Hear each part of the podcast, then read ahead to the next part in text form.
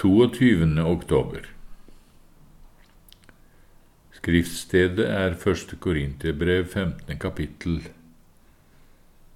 vers 36 og vers 38. Og vi leser i Jesu navn. Du dåre, det du sår, får ikke liv uten at det dør. Og vers 38. Men Gud gir det et legeme slik Han vil. Rosenius skriver. Det er som om apostelen her ville si, du dåre, hvorfor ser du det som både utrolig og umulig, at Gud kan la våre oppløste og tilintetgjorte legemer stå opp av jorden igjen? Du anser det jo ikke et øyeblikk umulig det du selv ser hvert år for øynene dine, at Gud omskaper de døde frøkornene i jorden så de blir levende og kommer opp av jorden i en ny og bare herligere drakt. Hver vår ser du oppstandelsen med dine egne øyne. Du ser hvordan sæden om høsten pløyes ned i jorden. Den ligger der og smuldrer opp som bortkastet. Vinteren dekker den med et teppe av is og snø, og kalde vinterstormer feier over den veldige graven. Gjennom hele vinterens lange måneder og mørke er dette såkornet glemt av deg, som om det ikke lenger eksisterte. Men hva skjer? Jo, etter hvert bryter våren seilene. Solen får mer og mer makt og med solens varme løser nå Skaperen liksvøpet og byr de døde å stå opp. Nå bryter det opp av jorden tusenvis nye, levende og friske spirer, som etter hvert blir grønne strå, og som etter hvert gir bonden mangedobbelt igjen av den sæden han sådde ut om høsten. Slik lar Gud det skje rett for øynene på alle mennesker, men dette er ikke noe vi overraskes over, bare fordi vi ser det hvert år.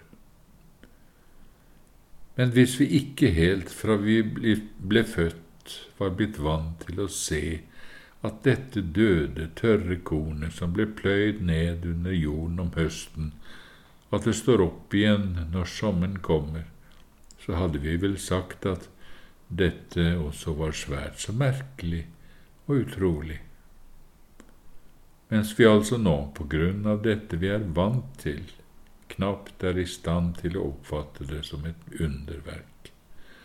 Nei, vi sier bare ganske enkelt at det vokser. Men innser vi ikke at denne veksten virkelig er et skaperverk? For ingen kunstner i hele verden er i stand til å skape et eneste gresstrå.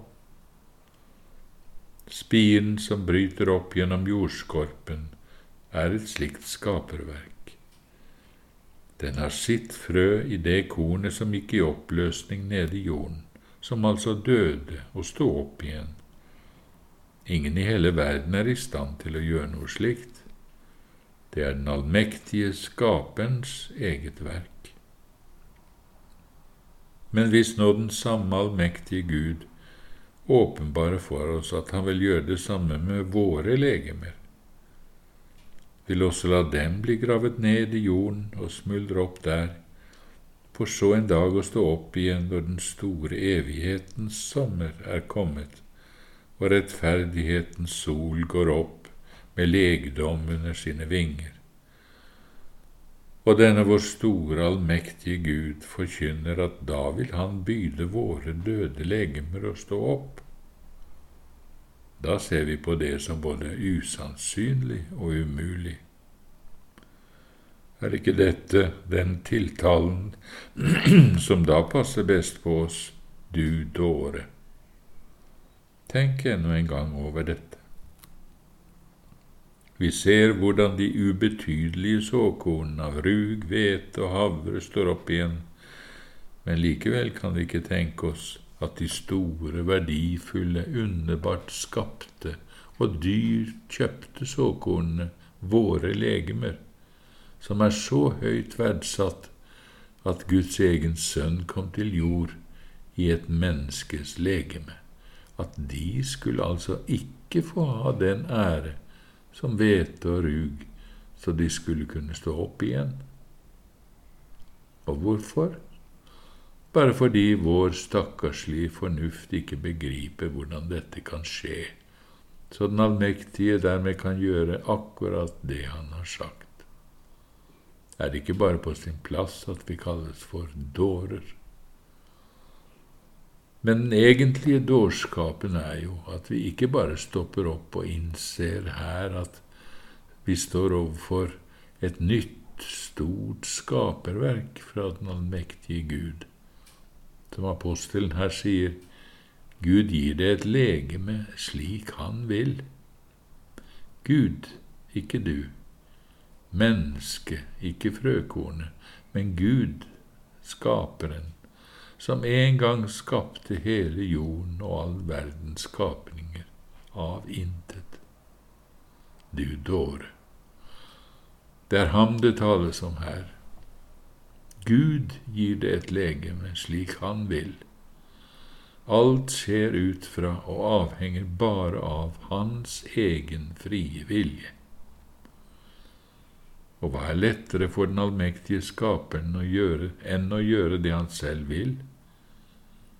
Men her ser vi hvor totalt ubemerket vi går hen og blir dårer hvis vi forakter Gud, Hans ord og Hans makt. Da merker vi ikke at vi i åndelige spørsmål er blinde. Ja, så blinde at selv de mest grunnleggende sannhetene som til og med hedningene bare ut fra selve skaperverk ser, blir tatt fra oss.